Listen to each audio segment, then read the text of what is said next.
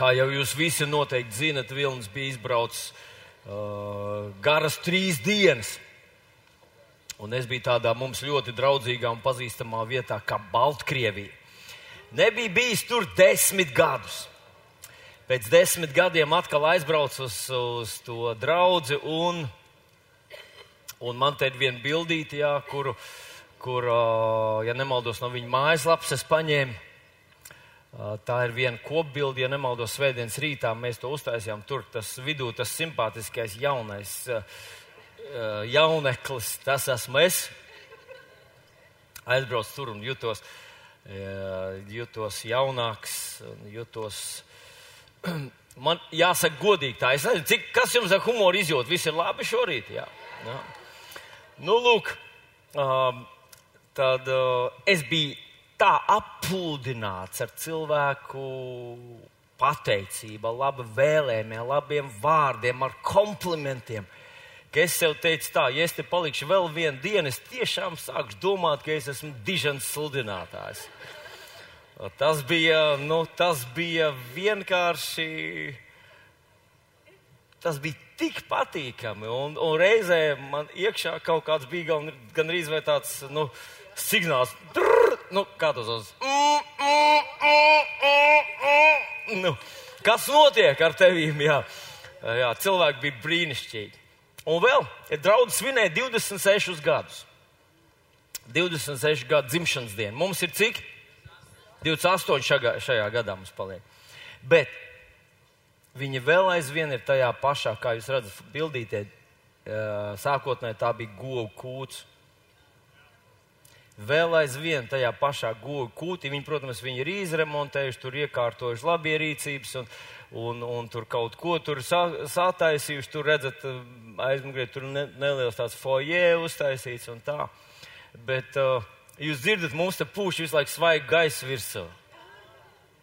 Mums, starp citu, tāda ēka kā mums, es nezinu nekur, nevienu draudz, kur ir vēl tāda pati. Un daudz tiešām mācītāji saka, ja mēs vēlreiz būvētu, mēs būvētu tā kā jums. Ja mums būtu iespēja, mēs uzbūvētu tā kā pie jums ir, jo, jo tā tribīna, nu, nu, nu, nu vienkārši. Mēs esam daudz tuvāk kopā. Kaut kas jāiet no man jau. jau. Nu, nu tā, var sakot. Uh, uh, Jā, starp citu, iepazinos ar, ar, ar daudziem cilvēkiem, daudziem mācītājiem un, un, un tā tālāk. Runāju krieviski, kā piekdienas vakarā iesāku jau lidostā, sāku savus sprediķus runāt cauri krieviski, jo tā valodiņa no ar gadiem zūd. Un tā uh, svētdien atbraucu, man drusciņi uzvārījās, nu, smadzenes. Nevarēju gulēt pa nakti un, un, un uh, man pārvadāja, protams, ar smalku automašīnu, ēdināja smalkā vietā, un es gulēju jaunā, dārgā viesnīcā. Un tie, kas jūs domājat, ka tā ir milzīga bauda dzīvot viesnīcā, es jums novēlu pamēģināt. Cik jauki ir savā mājā uz vienkārši spilvenu, uz parasta sava, sava matracīša. Jo tur, protams, mūsdienīgi viesnīca logu attaisīt nevar. Tas, ko Normons saka, ko mums nevajag jaunā mājā, mums logus nevajadzēs taisīt vaļā. Mums būs ventilācija. Nu, tā numurā bija ventilācija. Zem segas es svīdu, novilku segu, es salu. Pūžu. Nu, es, es domāju, kungs kaut varētu atvērt logu. Veco vienkāršo, parasto, apdrupušo logu. Jā, tāda iespēja nebija. Nu, lūk, un tad iepazinos ar viņu ar, ar daudziem cilvēkiem. Viens no tiem bija tāds uzņēmējs, jauns puisis, kurš iesāka savu karjeru vienkārši savā garažā labojot mašīnas. Un labojot mašīnas, viņš tad pie manis atveda tāds ļoti smalks autiņš. Un viena no problēmām, kas viņiem bija jārisina, bija, bija pneimo piekara. Jūs zināt, tā tāda smalka lieta, bet bieži, bieži lūstoša. Un tad viņš teica, es vienam sataisīju, pēc kāda laika otrs atbrauc, otram sataisīju, un tad es sapratu, ka es to māku sataisīt. Un viņš specializējās tikai uz pneimo piekarēm, dārgām mašīnām. Un viņš šobrīd ir ļoti turīgs vīrs. Viņam mašīna ir ļoti liela, ļoti melna un ļoti dārga. Un viņš, šis Baltkrievu puisis, tā vietā, kur citi saka, pie mums jau neko nevar, mums jau totalitārs režīms, mums jau ir šitā un tā. Un, starp citu, jūs nevarat tā vienkārši aizbraukt un sludināt. Jums vajag pieteikt reliģisko vīzu. Un tāpēc, ja jūs paskatīsieties viņa mājaslapā, es tur vienā vietiņā esmu mazā fotografijā, tāpēc, ka, nu, tā, nekas tāds nav bijis. nu, tā, tas ir ļoti sarežģīts process, lai atbrauktu kāds no ārzemēm, jums sludināt, tad tur, ko tu sludinās, jāiesniedz iepriekš un tā tālāk. Gan jau, kas pēcdienas tur bija, bet uh, un par cik es neaicināju sacelšanos un neaicināju visus uz, uz Eiropas Savienību, tad uh, neviens mūs neestika. Bet nu, tā situācija nav viegla. Bet tas puisis ir izveidojis biznesu tur uz vietas Baltkrievijā, Krievijā, Igaunijā, Latvijā, un Lietuvā un Ukrainā.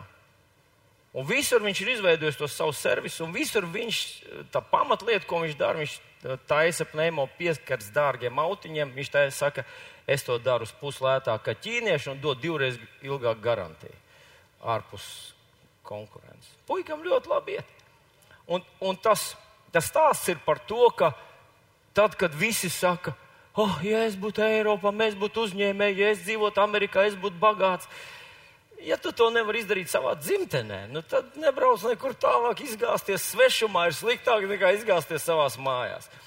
Ja, diev, ja tu esi uzņēmējs, es uzņēmējs vispirms šeit. Ja tu esi dziedātājs, dzied šeit. Ja tu esi nezinu, rakstnieks, raksts savā dzimtajā valodā, vai mākslinieks, vai kaut kas nesapņo, ka tu aizbrauc kaut kur un tad tu būsi. Tu vari būt jau šeit un, un tagad. Nu, un, un noslēgumā mazs sveiciens jums no no Baltkrievijas dzirdēju jaunu joku, tur jaunu anekdoti. Drīkst izstāstīt?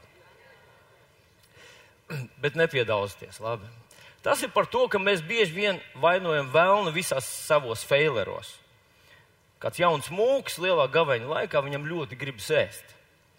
Un, nu, ziniet, kā klosterī tur ir centralizēta virtuve, centralizēta visu sagatavošana, neko tu klāt nevar tikt, bet viņš kaut kur iedams gar kādu kūti ir noķēps vienu jēlu olu un viņam ir karot kabatā vienmēr. Un viņš iedomājās, ka viņš varētu pie altāra, kur svecīt visu laiku deg, ielikt to olu karotē un uzvārīt viņu tur uz tās altāra sveces. Un nu, viņš ieliek to olu karotē un stāv pie altāra uz svecītes un vāru olu, un pēkšņi parādās tas kungs. Un saka, nu, vai tev nav kauna gaveņa laikā nu, kaut ko tādu darīt? Lūk, saka, ne jau es jau neko vēlns, nu, man piemānīja pēkšņi parādās vēlams. Saka, es, man prātā nebūtu ienākusi tāda lieta. Es... Nu, labi.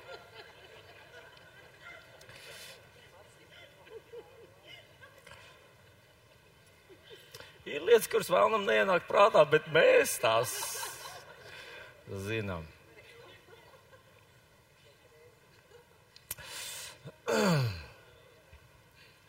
Ziniet, raksturvietiņa, kur grib iesākt šodien, viņa ir uh, Mateja evaņģēlijā, pirmajā nodaļā, 23. pāns. Mateja evaņģēlijas pirmā nodaļa, 23. pāns.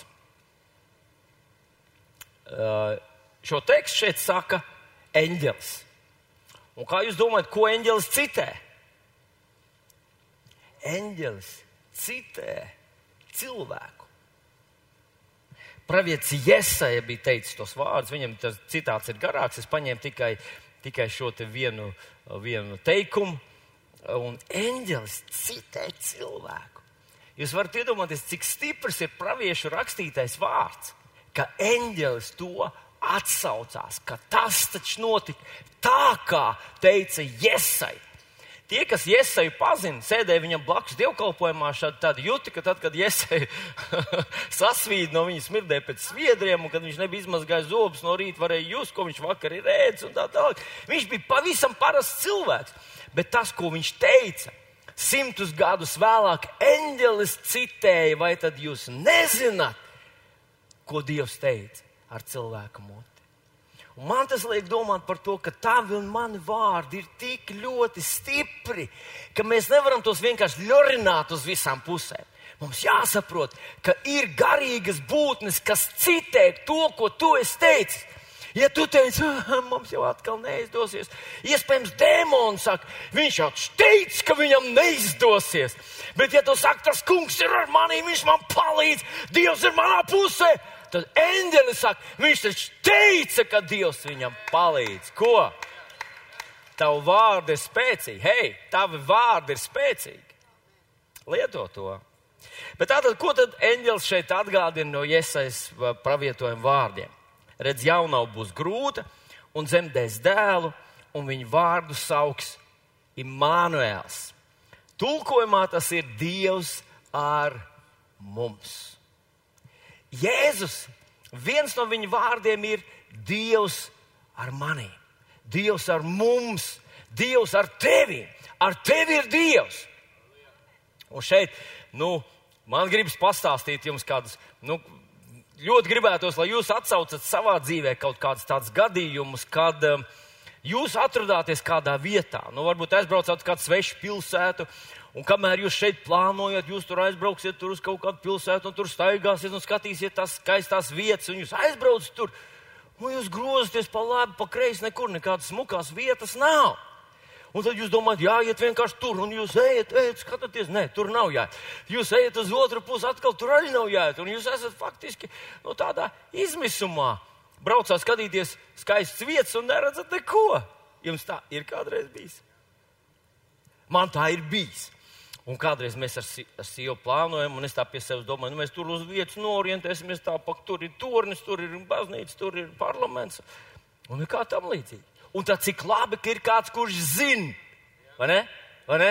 Esmu bijis tādā vietā, kur kāds saka, tagad mums jāiet tur, tagad jākap tur, tagad jā, jānokaplējā, tagad jā, jāpaskatās uz turieni. es atceros, kaut kas no draudzes man stāstīja, ka bija atvedis uh, Amerikas rādus šeit un tad braucu šeit uz Siguldu, uz, uz to, nu, kas mums tur ir tā skaistā uh, Šveice. Nē, nē, uz zāli, ne, līdz zālē viņi netika, bet viņi jau brauc turā, turaidi, jā. Un viņi tad brauc, un, un, un tas mūsu cilvēks domā, nu, ja cilvēki ir šokā par to skaistumu. Un tie rādi saka, uz kuriem jāskatās? Kur ir tas dabas brīnums? Nu, labi, ārzemnieki nevienmēr redz mūsu dabas brīnumus, bet mēs vismaz zinām, ka kaut kur tur aiz kokiem viņi ir. Vai ne? Cik labi ir, ka kāds mums to pasaka. Nu, un es atgādināšu vēl vienu gadījumu, kad mēs ar Normūnu braucām. Normūns bija, tur bija vēl kāda, bet Normūns man palicis atmiņā ļoti spilgti. Mēs braucām tādā garā braucienā uz Austriju, tie vairāk tūkstoši kilometru. Un viena no mūsu mašīnām bija Audi. Audi ir, ne, nu, Audi ir kvalitātes zīme. Pajautājiet Uldiņam, viņš jums vienmēr pateiks, ka tā ir. Bet tas Audi bija ar tādu nu, ļoti lielu pieredzi, ļoti pieredzējis Audi. Un pēkšņi kaut kur um, Polijā, kaut kādā ciemā bez nosaukuma, benzīna tankā bez uzraksta, pēkšņi iedegās, uh, tam Audi iedegās spuldzīte. Nu, kas nozīmē, ka, zin, ka iedegās spuldzīte, mašīnā kaut kas nav labi. Viņu vajag panākt, lai viņi nodziest. nu, lūk. Un mēs saprotam, ka akumulators vairs nelādē, ģenerators nestrādā un agri vai vēl mašīna apstāsies. Un mēs visam izmisumā.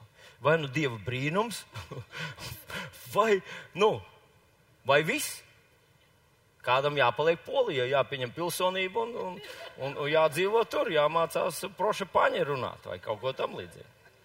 Un tajā mirklī mēs priecājamies, ka mums bija līdzi normāls.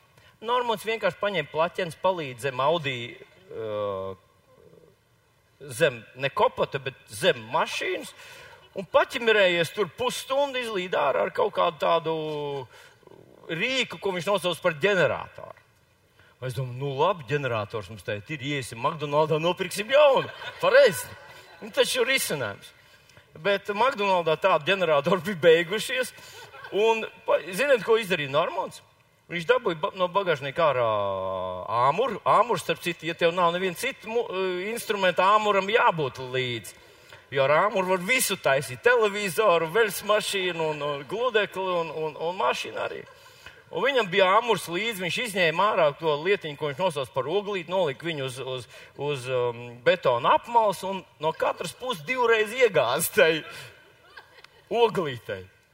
Un es skatījos uz to, es domāju, ja kungs dod, lai viņa nešķīst. Jo Normans tā sirdīgi iegāza, ziniet, divreiz. Un tad viņš ielika to visu, palīdzēja mašīnas, atkal plaķenēm tur kaut ko pačupinājās un, un izlīd ārā bez ģeneratoru. Piešķīlu, un tā mašīna gāja vēl pēc tam nu, vairākus gadus ar to pašu oglīti, kurai vienreiz, divreiz bija iedots ar āmuru pasānē. Kāpēc es to stāstu? Es stāstu to tāpēc, ka kādreiz situācija, kad tu esi viens pats kādā problēmā, tas ir bezizēja.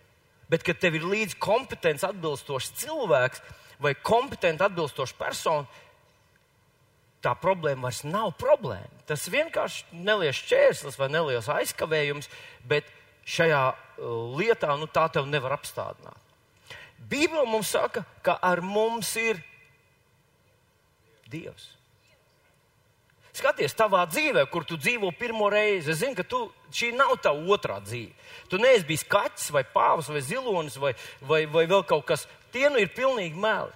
Tu dzīvo savu dzīvi pirmo reizi, un tāpēc tev tik plata acis ir, kad tavā dzīvē notiek lietas, kas notiek, vai ne? Nu, lūk, un tu neesi viens. Vismaz tu kā kristietis, tu neesi viens savā dzīvē. Tev līdzi ir Dievs. Dievs ir ar tevi. Bet mēs kā kristieši zinām, ka tas nenozīmē, ka viss automātiski notiek. Tas nozīmē, ka mēs dodam Dievam uh, ar savu ticību mēs dodam Dievam iespēju, vai mēs saņemam no Viņa to, ko Viņš mums dod adekvātā situācijā un adekvātā dzīves brīdī. Dievs mums ir paredzējis savu palīdzību, mēs to paņemam ticībā. Bet skatoties, tas, tas, šis pāns ir ļoti spēcīgs, bet manuprāt, ir vēl spēcīgāks pāns, kurš, kur mums ir uzrakstīts pravietis Miha. Un pravieša Miha grāmatā ir otrajā nodaļā, 13. pāns Ja tev ir tā bībelīte, līdz tu viņu var atvērt, ja nav, tad vienkārši paklausies vai paskaties um, uz ekrānu, ko tad raksta pravietis Miha. Pravieša Mihas grāmata, otrā nodaļa, 12. pants, sākot 12. 13. pants, skan tā. Tiešām gan es sapulcinādam, sapulcināšu tevi jēkab un arī pāri palikušos Izrēlē savadīšu kopā, kā avis. Es viņus novietošu vienkopu stiprā kūtī un kā ganāmo pulku aplokos, lai visas malas būtu pilnas cilvēku trokšņi. Un viņu priekšā ies šķēršļu salauzējs, šķēršļu salauzējs. Viņi izlauzīsies, izies pa vārtiem, viņu ķēniņš ies viņiem pa priekšu, un tas kungs būs viņu vadonis. Šeit precīzi šī situācija ir aprakstīta jaunajā derībā, kā tas ir. Dievs nevis teica, ka viņš ies no muguras, un jums kaut kas nesanāks, tad nu sauciet mani, un es jums palīdzēšu. Bet viņš ir izgājis mums pa priekšu un atstājis risinājumus jau priekšā. Mēs tos varam saņemt. Viņš risinājums mums ir iedevis, nu, pieņemsim ar grēku, grēku problēmu. Viņš atrisināja tad, kad mēs vēl nereiz nebijām grēkojuši. Viņš dziedināja mūs, kad mēs vēl nereiz nebijām saslimuši. Viņš jau paredzēja visu mūsu dzīvi, uzrakstīja apsolījumus mūsu dzīvē, kad mēs vēl nebijām piedzimuši. Viņš tiešām ir atrisinājis problēmas. Viņš ir šķērsļus salauzis, viņš iet mums pa priekšu, viņš ir mūsu vadonis. Un es zinu, ka tev tā neliekas. Es to saku no savas pašas pieredzes, jo arī es dzīvoju miesā. Arī manas sajūtas man saka, kur ir Dievs. Bet tad es paskatos uz viņu vārdu un es saprotu, ka viņš ir bijis pa priekšu, viņš jau tam ir izgājis cauri un ka uzticoties viņam un tiem resursiem, kurus viņš man ir devis, es iziešu cauri, ka viņš šķērslus ir salauzis, vārtus ir atvēris, viņš ir manas ticības iesācējs un manas ticības arī piepildītājs. Vai dzir, drīkstāt dzirdēt tavu āmenu uz to? Mīļie draugi, šīs brīnišķīgas raksturvietas un brīnišķīgi apsolījumi, un man gribas parādīt jums, kā tas nostrādāja jau Jēzus laikā. Un Jēzus laikā tas, uh, tas ir aprakstīts kādā īpašā stāstā par Jēzu un viņa mācekļiem uz Galilejas jūras. Un šeit es gribētu nedaudz jums pastāstīt par to Galilejas jūru, kur kādreiz mēs tā varbūt aiz nezināšanas ar tādu, no nu, ar tādu varbūt tādu mm, noniecinājumu sakam, viņi to sauc par Galilejas jūru, viņi to sauc par Kineretes ezeru, viņi to sauc par Ģeneretes ezeru vai Tiberijas ezeru. Nu, ezeriņš, nu, ezeriņš kā ezeriņš. Nu, lūdzu, un es domāju, ko lai salīdzinu, lai mums būtu tāds pilnīgāks priekšstats. Kur platība 166 km2, ezera platība 166 km2. Lielākais garums 21 km, vidējais dziļums 25 metri, lielākais dziļums 43 metri. Kā jums liekas, tas ir liels ezers vai nu, tāds, tāds normāls ezeriņš? Kurš domā, ka liels paceliet roku? Kurš nedomā, nemaz nolaižiet roku? Jā. Nu, es salīdzināju ar Tīšazeru. Tīšazeru visi zina, ja? Tīšazeru lielākais Rīgas ezers, man liekas. Nē, lielais Baltazars ir lielāks. Nē, īstenībā lielais Baltazars ir ievērojami mazāks par Tīšazeru. Tā kā salīdzināsim to ar Tīšazeru. Nu, paklausieties. Lielā Tīšazera platība, ja Galilejas jūras vai Tiberijas ezera platība ir 166 km2, tad lielā Tīšazera platība ir 17. 17,3 km2. Tas nozīmē, ka Galilejas jūra vai Tiberijas vai Kineretes vai Ģenecerets ezers ir gandrīz desmit reizes lielāks. Bet tagad paklausies par dziļumu. Ja, ja ķīšezera vidējais dziļums ir Kaspars, starp citu, var pārbrist ķīšezeru pāri, jo vidējais dziļums ir 2,4 metri. Es arī esmu mēģinājis, bet šur tur man tā kā līdz degunam jau aiziet. 2,4 metri. Lielākais dziļums ķīšazaram ir 4,5 metri. Tā kā, ja Kaspars uzkāp Kasparam uz pleciem, tad viņš mierīgi pāriet pāri un, un nav problēmas. 4,5 metri mūsu milzīgais lielais ķīšazars dziļākajā vietā ir tikai 4,5 metri. Un Galilejas ezera vai Tiberijas vai tas, tas ezers, par kuru Jēzus ar saviem mācekļiem nepārtraukti uh, iet pāri, un Jēzus, kā mēs zinām, pārgāja pāri līdz pusē vismaz. Gā, un Pēters staigāja pa to ezeru. Viņš ir lielākais dziļums, viņam ir 43 metri. Nu, salīdziniet 4,5 metru un 43 metri. Tagad tas ir nopietns ezers. Ja? Ja? Nu, lūk, bet vēl tas garākais, garākais garumā viņš ir lielākais garums 21 km. Ķīšezera lielākais garums ir cik? 172 km. Nē, es piedodiet, es tādu dumu joku izdarīju. Ķīšezers visgarākajā vietā ir 8,4.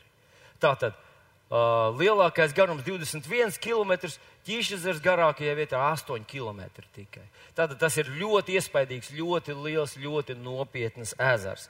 Un šī raksturvieta, par ko mēs runāsim, vai šis atgadījums, viņš ir aprakstīts trijos evaņģēlijos - Jāņa evaņģēlijā 6. nodaļā, Mata evaņģēlijā 14. nodaļā un Marka evaņģēlijā 6. nodaļā.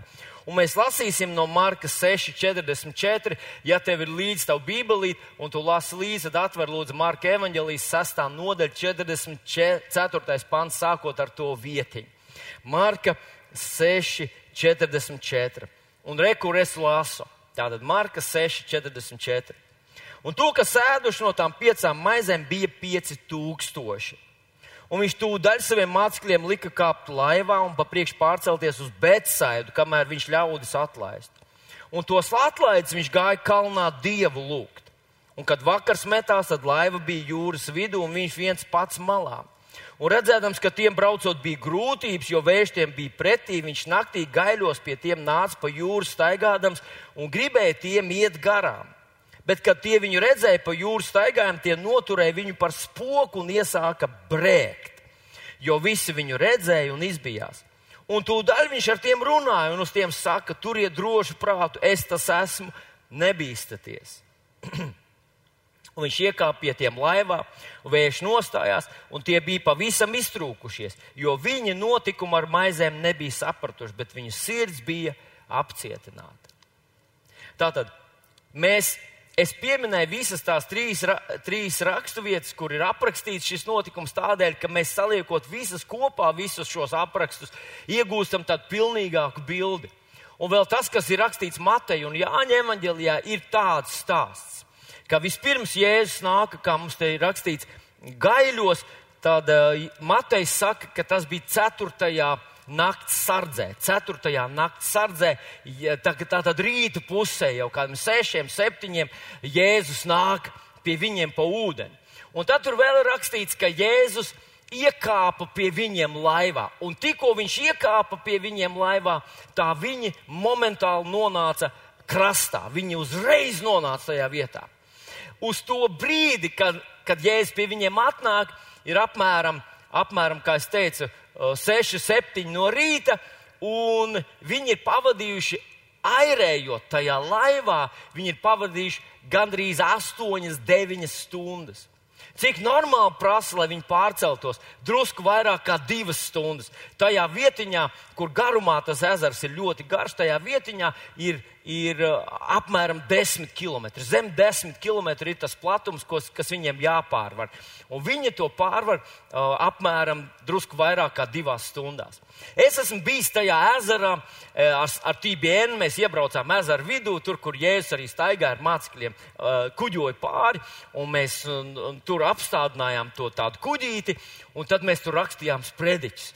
Un tur tu varēja redzēt to kuģīti. Tur kaut kur viens ir iekārtojies, un viens prediķo ar kameru, otrā stūrī vēl. Vārdsakot, visas kuģītes bija aplips ar, ar sludinātājiem, kurus viedriem tekot sludināja viens prediķis pēc otra uh, televīzijas vajadzībām. Nu, tā kā es zinu to ezeru, un tiešām var saskatīt to otru, otru krastu, tas nav tik tālu, un apmēram drusku vairāk kā divās stundās viņam mierīgi varēja tikt pāri. Nu, lūk, nu, ko, es, ko es ar to gribu pateikt? Vispirms es gribu pateikt, ka Marks iesāk mums ar to, ka viņš tā kā caur rindām, bet pasaka mums tādu ļoti svarīgu patiesību, ka Jēzus, skatieties, 45. pāns, tūdaļ viņš paēdināja 5000. Un pirms viņš atlaiž ļaudis, lai tie līdz tumsai tiek uz mājām, viņš piespiež, liek, pavēl saviem mācekļiem, lai tie tūdaļ kāp laivā un pārceļās uz otru pusi. Un ir tāda sajūta, viņš saka, jūs dodaties uz turieni, es atlaidīšu ļaudis. Un es domāju, tā viņa motivācija, kāpēc viņš to teica, es nezinu īsti, kāpēc viņš tieši tā dara, bet tā motivācija, līdz, lai līdz tumsai jūs tiekat galā. Nu, Dodieties uz turieni, ja, lai jūs paspējat pirms satumst un pirms uh, ir grūtības noteikt, kur ir tas otrs krasts. Neapmaldieties. Tūlīt kāpjiet laivā. Un tāda sajūta, ka tur lietots tas vārds lika tāpēc, ka mācekļi negribēja. Un tikko ir paēdināti 5000, viņi paši ir kārtīgi pēdušies. Un Jēzus vēl nav atlaidis tos 5000. Jēzus saka, es viņus atlaidīšu.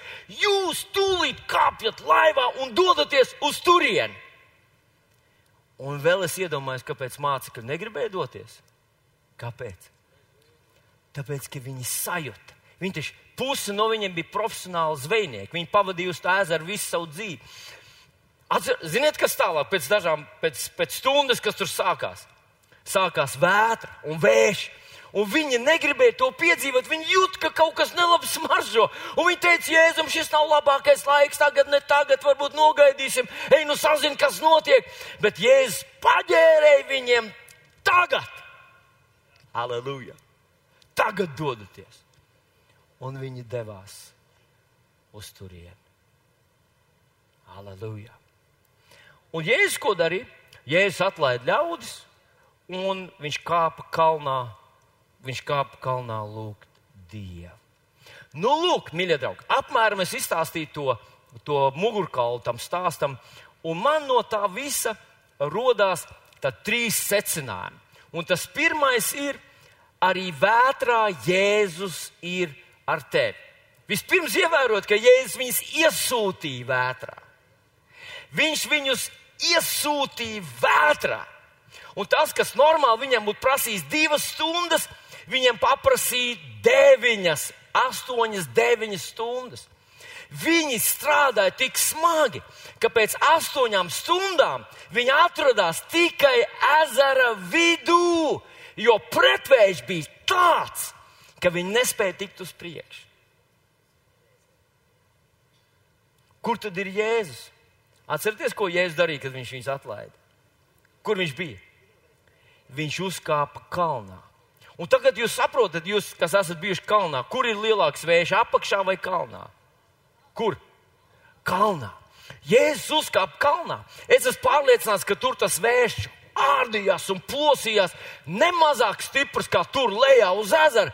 Jēzus atrodas tajā pašā vētrā, tajos pašos uh, lietus. Uh, pilēs, kas, kas tur apdraudēja mācekļus, tur plosīja Jēzus seju, Jēzus mācu. Viņš bija salīs, viņš bija izmirsts, viņš bija vējā uh, plosīts. Viņš atradās tajā pašā vētrā, un viņš perfekti zināja, kur atrodas viņa mācekļi.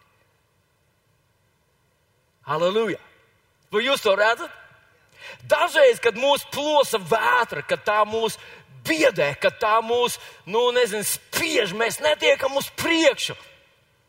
Uh, Mēs domājam, ka Dievs mūs ir ievedis. Dievs mums uzticējis kaut kādu, pieņemsim, Dievs mums uzticējis kaut kādu kalpošanu. Un, un, uh, un tas, kas, nu, pieņemsim, paskatieties, mēs ceļam šobrīd, šobrīd to ēku. Un zinat, ko mums ir vairāk reizes mēs ar Normūnu esam runājuši? Normūns arī tur ļoti aktīvi piedalās, aktīvāk nekā es drusku, drusku aktīvāk. Nu, un kādreiz mēs ar Normūnu runājam, un tāds sajūta, ka viņš saka, nu, normāli es ceļu mājas. Uh, katru gadu uzceļu vairākas mājas. Šeit kaut kā tik smagi, tik grūti tas iet uz priekšu. Kāpēc tā? Kāpēc tā, ka tas, ko Dievs ir iedevis, kur Dievs tev ir iesūtījis iekšā, kāpēc tas iet grūti? Vai tam nebūtu jābūt tā, ka, ja Dievs man ir nolicis šajā vietā, tad tam būtu jābūt ļoti viegli? Vai, vai tā nav? Vai nav tā, ja mēs atnācām saņemt dzīves draugu no Dieva? Pieņemsim, runājam par laulību. Uh, tu saņem dzīves draugu, ka tas ir tavs dzīves draugs, tas ir tev no dieva. Un jūs iznācāt priekšā naivi un tīri, apprecējāties un domājāt, nu taču laulība būs vien vienīga laimes sāla. Es atnākšu katru dienu mājā un laime kā uzkritīs man tā no rīta pirms negribēšu iet uz darbu, jo laime visu laiku man tirinās un purinās un, un, un, un vienkārši aiz laimes es raudu, raudu jau 30 gadus esam laulībā un es raudu. Aiz ko? Nu, aiz laimes. Nu, vai, vai, vai tam tā nevajadzētu būt? Nu, nu, nu, tas ir mūsu stereotips. Dievs man aizsūtīja uz ārzemēm. Un, un, un ir jābūt nu, vienkārši nu, rožu lejai, pareizi. Tu uzņēmies kaut kādu kalpošanu draudzē. Atcerieties, cik kādam romantiskam jūtām tu to iesāki. Jā, halleluja! Es tevi, es tevis dēļ, es nu, cietumā un nāvē. Un, un tad tu iesāki mazliet svētdienas skolā kalpot. Un tu skaties, ka tie bērziņi bērns kristīgo, un kalpotāju āboliņu bērns, un kalpotāju uh, sēnīšu bērns, un kalpotāju um, kliņģerīšu bērns. Un tie mazie dēmoni, kas krāj. Tevi necien. Tu gribēji izstāstīt to pantiņu, viņiem neinteresē tavs pantiņš.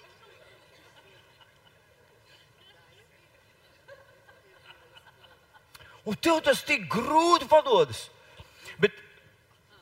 Es gribētu teikt, mīļie draugi, paklausieties. Kādreiz Dievs tevi ievada kaut kādā vietā, Dievs sūta tevi, un tu aizēji tur, un tu saproti, cik tās ir grūti. Paskaties pa labi, pasaulīgie vienkārši mierīgi dara savu darbu, vispār nesvīst. Bet tu rūkā smagi, tu, tu rūkā divreiz smagāk, un es ticu tikai līdz pusē. Kāpēc tā? Es nezinu. Es nezinu, kāpēc tas tā notika. Kāpēc Jēzus neusticējās Pētera intuīcijai?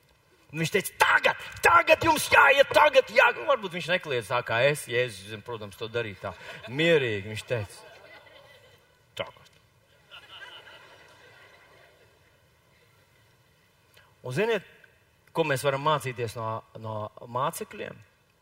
Viņi rukāja tā, ka likās, ka viņi tur galu dabūs. Viņi strādāja smagi, viņi bija izmirkuši no lietus ne tik daudz kā no saviem sviedriem. Viņi deviņas stundas airēja tikai tāpēc, ka Jēzus teica, tagad dodaties. Un nepadevās, palika viņam paklausīgi, uzticējās viņam, lai gan tas izskatījās, ka viņi par to samaksās ar savām dzīvībām. Un tad, un tad kad viņi bija tikuši līdz pusē, pēkšņi nāk Jēzus. Hei, puiši! Viņš ir tajā pašā vētrā, Viņš ir tāpat salījis, tāpat izmirts, tāpat nosalis, vai, vai kas tas bija, tādi kādi bija mācekļi. Tieši tāds pats bija arī viņu kungs. Viņš atnāca pie viņiem. Un zini, ko es gribu pateikt?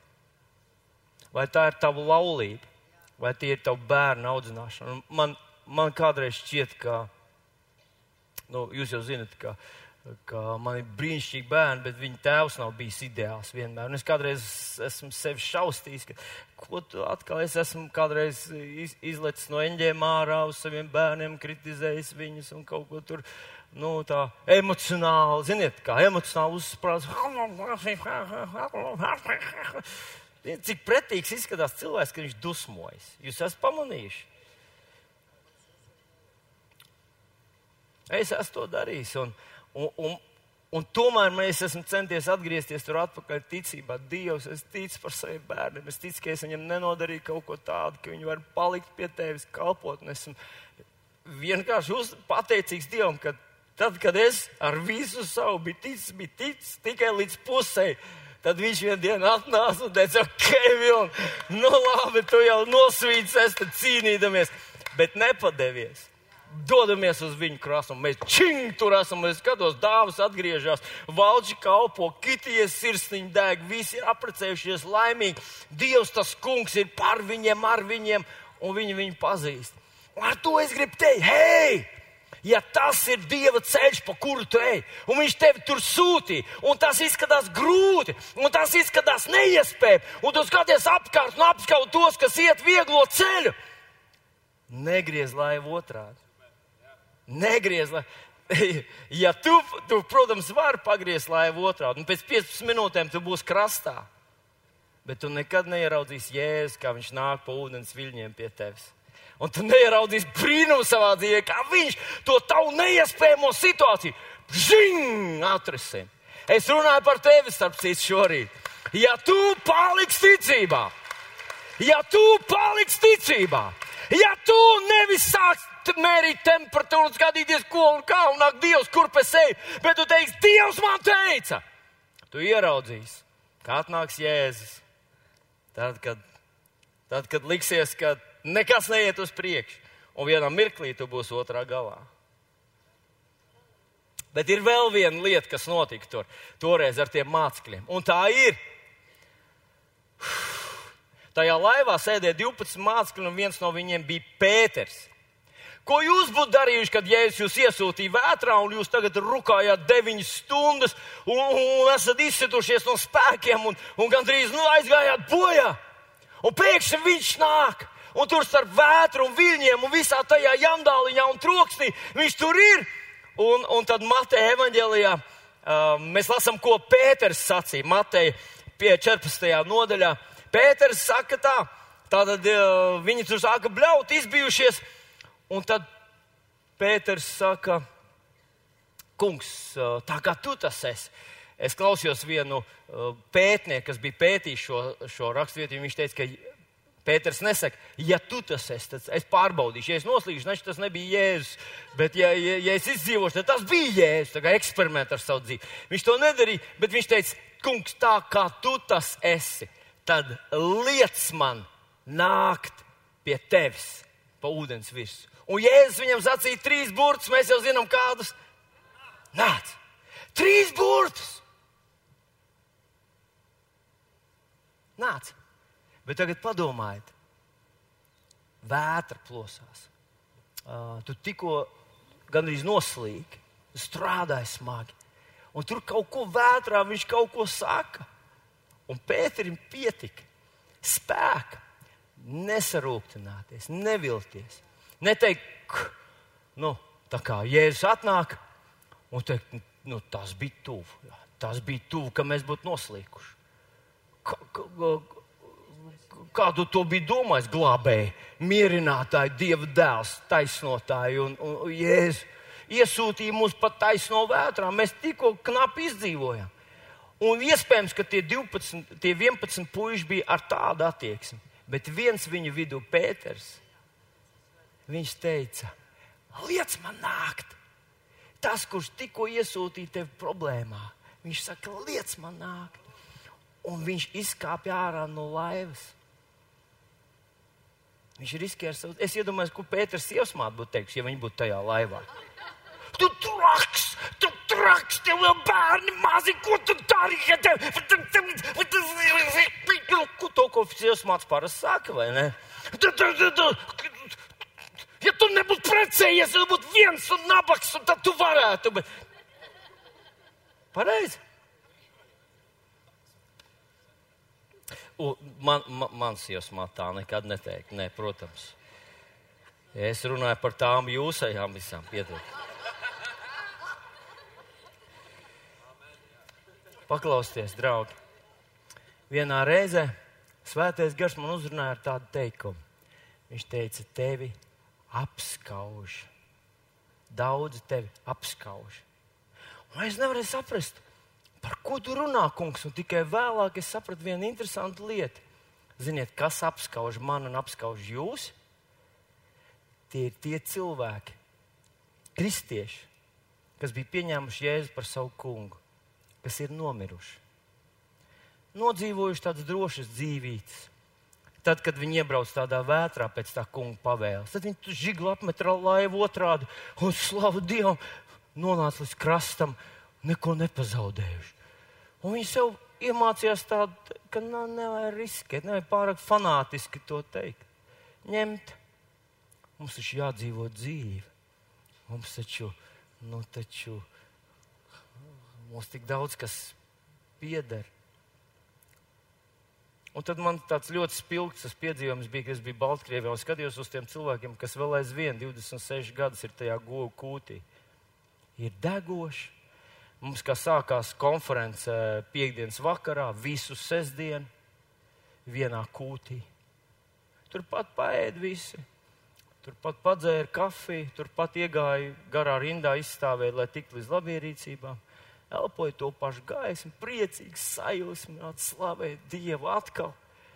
Kad es nosludināju, bija četras prediķi. Jūs varat iedomāties, ja jums būtu jānoklausās četras prediķi e, trijās dienās. Sestdienā divi gabali pēc kārtas. Un man uzlika laiku un teica, ņemieņši časā. Un es skatos 60 minūtes lēnām ja šeit es skatos ārpus, kur skrien tas pulkstenis, tad tur es domāju, upā, vēl tikai 45 minūtes pakaļ. Mēs tev aicinājām, paklausīt, tu netaistē. Te nav nekāda joka lietas. Jā. Sludini.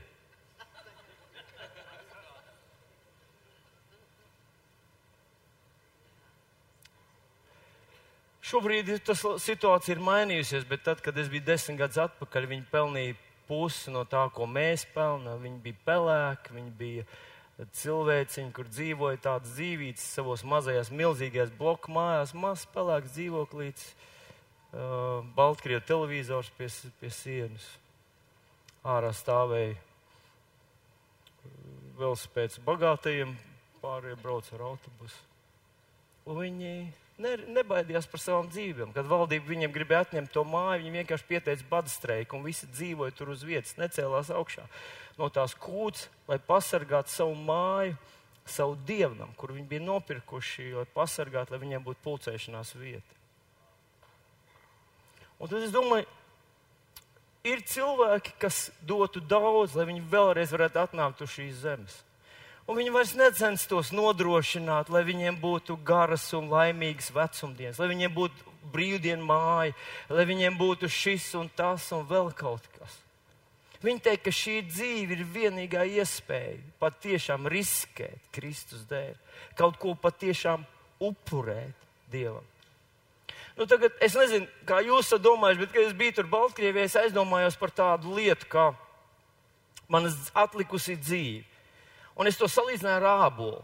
Man atlikusī dzīve, nu, cik gadi man ir, es nezinu, bet nu, tik cik man ir, puse no tiem es nogulēšu. Vienkārši mēs katru nakti nogulam. No tās atlikušās pusītes, trešdaļa Nu, es varbūt, varbūt kāds precīzāk var izrēķināt, bet apmēram no tās atlikušās puses trešdaļa es darbošos ar sevi. Mēģināšu, jau mazgāšu zobus, tur likšu vannā, dušā, tur ģērbšu, noģērbšu, apģērbšu, pārģērbšu, tur iekremošu, tur kaut ko tur. Nu, nu, to parasto, ko ar sevi dara. Un tad es paskatījos uz to, nu, cik tur īsti paliek, nu, cik tur īsti vēl paliek. No tās manas atlikušās dzīves. Un tad es tā turos, lai, lai, tikai, lai tikai Dieva dēļ es neko tur pa daudz neizdarītu. Tad, kad tu nonāc līdz galam, tad nav no svara, ar kādu mašīnu tu brauc. Nav no svara, cik smalks tev bikses, vai pulkstenis kājā, vai kāds tev telefons. Piedod, pulkstenis uz rokas, vai, vai, vai cik tev bankas kontā. Pat nav no svara, ko tu atstāji bērniem, jo tu saproti, ka viņus tas laimīgs nepadarīs. Bet tad ir no svara, ko tu atdevi Jēzum. Kas tad no tās tavas garās dzīves, no tiem taviem gadiem, kas ir tas, ko tu tiešām nepaņēmi sev, bet atdevi viņam? Un tad es iedomājos, ja mēs izsludinātu gada svētkus, un tie sāktos piekdien, un būtu visu sestdienu un svētdienu, jūs teiktu, tu, tu ko traks, mums taču jādzīvo arī. Kad tad mēs dzīvosim? Vai ne? Debesīs dzīvosim. A, ko tad tu te vari izdzīvot? Un kas tad ir tāds, ko, kas ir tiešām dzīvošanas vērts? Un kas tas ir? Nu, es esmu braucis pāris ceļojumos, piedod tādu nihilistisku notiņu, bet es gribētu, lai tu padomā drusku. Es esmu braucis pāris ceļojumos, ka, kamēr tev tā gaidīšanas sajūta, domā, jā, mēs tur brauksim, vai tur būs. Un tad tu aizbrauc, skaties, nu, māja kā māja. Cilvēki kā cilvēki. Nu, tur ir uh, fontāns, ah, tur, tur ir. Uh, keksiņš, nu, apēdi, nu, saproti, ka tas pats cukurs, ko tu ēd mājās, kur ne, negribēs mājās, tu ēd tur. Nu, un, un, protams, ka tas ir jauki. Bet es domāju, ja man nav ko noziedot Dievam, es labāk neaizbrauktu tajā ceļojumā. Es labāk, es gribētu nonākt līdz dzīves beigām, tu paskatīties atpakaļ un teikt, Vilni, tu neaizbrauc toreiz tajā ceļojumā, tāpēc, ka tu gribēji kaut ko izdarīt Dievam.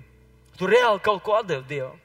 Vilni, tu nenopirki sev to tāpēc, ka Dievs te uzrunāja, lai tu kādam palīdzi, un tu tiešām palīdzēji kādam.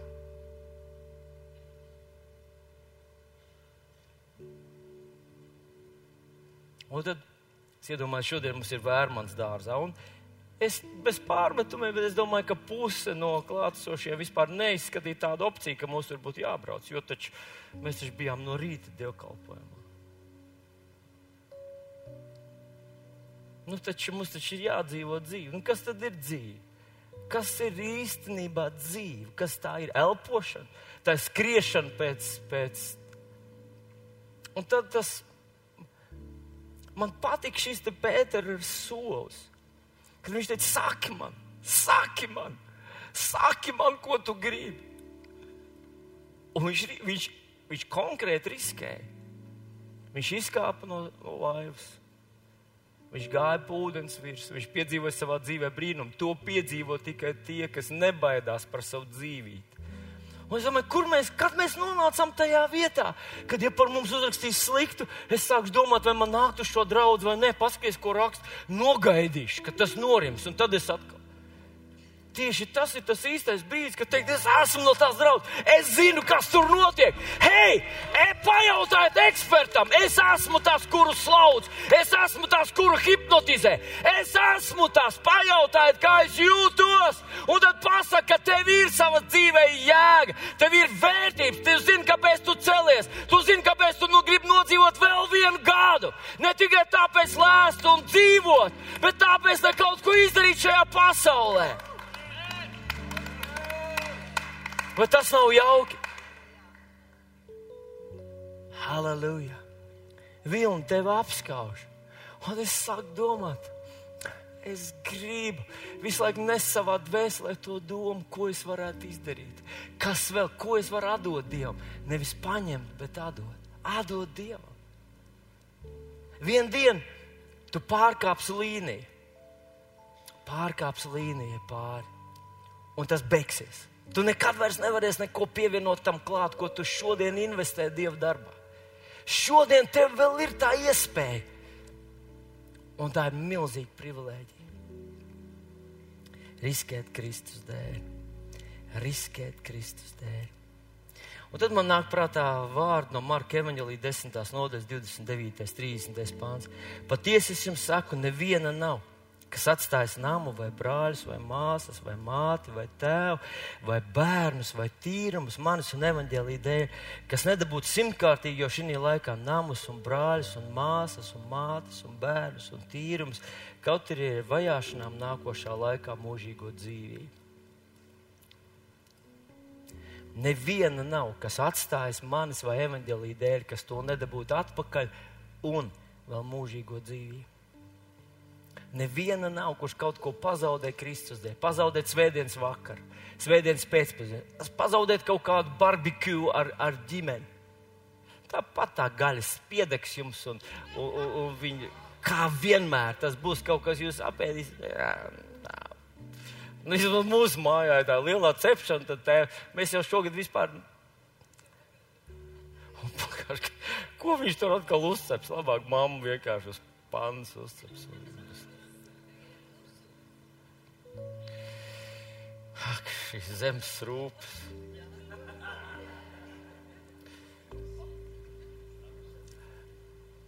Tas pirmais, ko gribu tev atgādināt, ka lai kādā vētrā tu nebūtu, Dievs ir ar tevi. Lai kāda vētra tavā dzīvē, kāda arī nebūtu situācija, kāda nebūtu tavu ienaidnieki, kāda nebūtu viļņi un vējš, Dievs precīzi zina, kā tu jūties, un Viņš ir tev blakus. Otra lieta, ja tu paliksi ticībā, tas nevienkārši sakot zobus un cieties. Nē, tev jābūt ticībā, tev jābūt pateicīgam. Es nezinu, vai mācekļi dziedāja slavas dziesmas, bet es esmu redzējis, kā, uh, kā cietumnieki strādājot smagu darbu, Amerikas cietumnieki, atgriezušies, nāvinieki, kā viņi dzied dziesmas un dzied par Kristu. Tad viņiem ir tāda reize Es kaut kad atskaņoju, man liekas, šeit dziesmi. Viņi tā vienā ritmā uh, dara tāds, cēr tādus milzīgus kokus ar primitīviem uh, darba rīkiem. Un, un tad viņi saka, dzied to dziesmu, nekad vairs, nekad vairs tajā pusē upē neiešu, nekad vairs tajā pusē upē neiešu. Un, un kā mācekļiem tas arī būtu kaut kas tāds, nu, airējot, būtu derējis. Nezinu, vai viņi to darīja vai nē. Varbūt, ka darīja, varbūt, ka tiešām darīja slavēja to kungu, pateicās, viņi bija pieejami, priecīgi, pateicīgi. Un tāpēc Jēzus pie viņiem atnāca. Ja tu paliksi ticībā, tu redzēsi rezultātu savā ģimenē, pie saviem bērniem, uh, savā kalpošanā, savā darba vietā. Tu redzēsi rezultātu Tur, tajā vietā, kur Dievs tevi ir sūtījis, tur redzēs pārdabīgu rezultātu. Dievs atnāks pie tevis. Par to vispār nav jautājums. Viens no viņa vārdiem ir Imānuēls. Dievs ir ar tevi. Dievs ir ar tevi. Dievs ir ar tevi. Tikai neļauj pasaulē tev uh, nopūderēt smadzenes, uzticies viņam. Un trešā lieta ir privilēģija riskēt ar savu dzīvību. To var tikai tie, kas vēl ir dzīvi. To var tikai tie, kam vēl ir iespēja izvēlēties, vai izdarīt to droši sev, vai izdarīt to tā, kā Dievs aicināja, tā kā tu gribi, tā kā Viņš gribēja, lai tu būtu par liecību, par gaismu, lai tu spīdētu savā, pas, savā šajā laikmetā. Un vēl es gribu teikt, man kaut kur rada tāda kaut kāda patīkama sajūta, tas, ka par mums sāk rakstīt kaut ko. Ziniet, nebija nemaz tik dārgi tas, nu, ka sāka uzreiz rakstīt un raksta. Un man tā gribas, lai raksta, lai raksta. Un viss pievērsīsies uz, uz savu uzmanību, pievērsīs tev. Un tad tu taču, ko tu darīsi tur? Tu taču neslēpsi kā strauss galvas smiltīs. Neteiks, es neko nezinu, es esmu mazs un melns un tā tālāk. Tu teiksi, es esmu viens no tiem organizatoriem, es esmu viens no tiem dibinātājiem. Mēs sludinām evaņģēlīju tiešām kam citam, lai vēl uzticās šajā pasaulē, kā dievam. Un tu teiksi, viņš aicināja pie sevis visus bēdīgos un grūtsirdīgos. Un tu pasaki viņam, izslēdziet tos prožektors, apstādiet vāveres riteni, jūs atklāsiet, ka bez Kristus esat bēdīgi un grūtsirdīgi. Tu vari to visam savam darbu kolektīvam pateikt. Un es tev pateikšu, Un es tev pateikšu, varbūt viņi visi tur uzreiz nu, muks kā, kā, nu, nu, kā bariņā aitas skrien visas prom un novērsīsies no tiem, bet daudzus tu uzrunās. Un ja tu kaut ko tādā veidā pazaudēsi, kaut ko tu pazaudēsi, Jēzus teica, priecājieties, esiet līgsmi un gavilējiet tajā dienā, ja par jums runā sliktu manis dēļ Nevis slinkuma dēļ, nevis tāpēc, ka tu atkal neizdarīji, atkal nokavēji, bet kaut ko vēl ir. Bet manis dēļ, viņš teica, jūsu alga ir liela debesīs. Ha, ha, uh, uh, uh. Ko jūs teicāt par mani? Es esmu fanāts. Uh! Ko jūs teicāt? Es esmu aptaurēts ar Jēzu. Uh! Jums esmu apnicis. Hū, man gatavojas paaugstinājums, laikam, aleluja! Mums ir šī viena dzīve. Kas ir vērtīgāks par to, lai atdotu to kungam Jēzum Kristum? Piecelsimies kājās.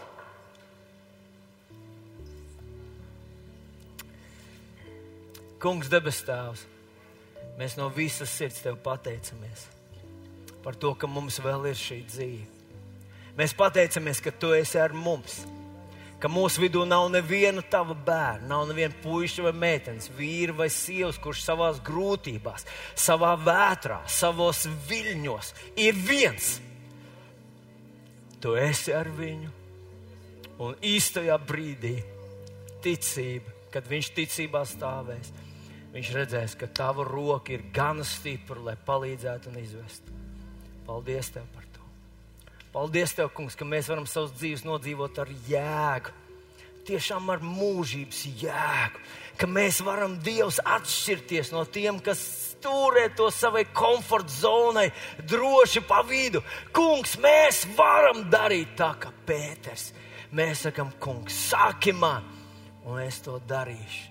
Lai kā tas liktos, lai ko tas man maksātu. Tev par godu, mūsu zemē līdz cilvēkiem par svētību. Paldies, Tev, debes Tēvs. Pacel savus rokas uz debesīm. Halleluja! Halleluja! Halleluja! Halleluja! Halleluja! Lebrahatiki, leborokateki. Mēs pateicamies par svētību mūsu zemē Latvijai. Mēs pateicamies, kungs, ka šī nākamā simtgada, kungs, ka tā sākās jau tagad, un tā sākās ar garīgu atmodu, ar to, ka tavi bērni, tavi bērni nevis cenšas izturēt maksimāli, maksimāli droši un, un nekur neriskējot ar tevi, bet tieši otrādi. Kungs, ka tie ir tavs resursi, ka tie ir rīks tavās rokās. Mēs esam tavu liecinieki mēs tev piedaram. Paldies, Tev, debes Tēvs! Mēs godinam Tevi, godinam Tevi, godinam Tevi par to, ka esam 21. gadsimta kristieši, un mēs tādi arī paliksim. Kunga Jēzus vārdā.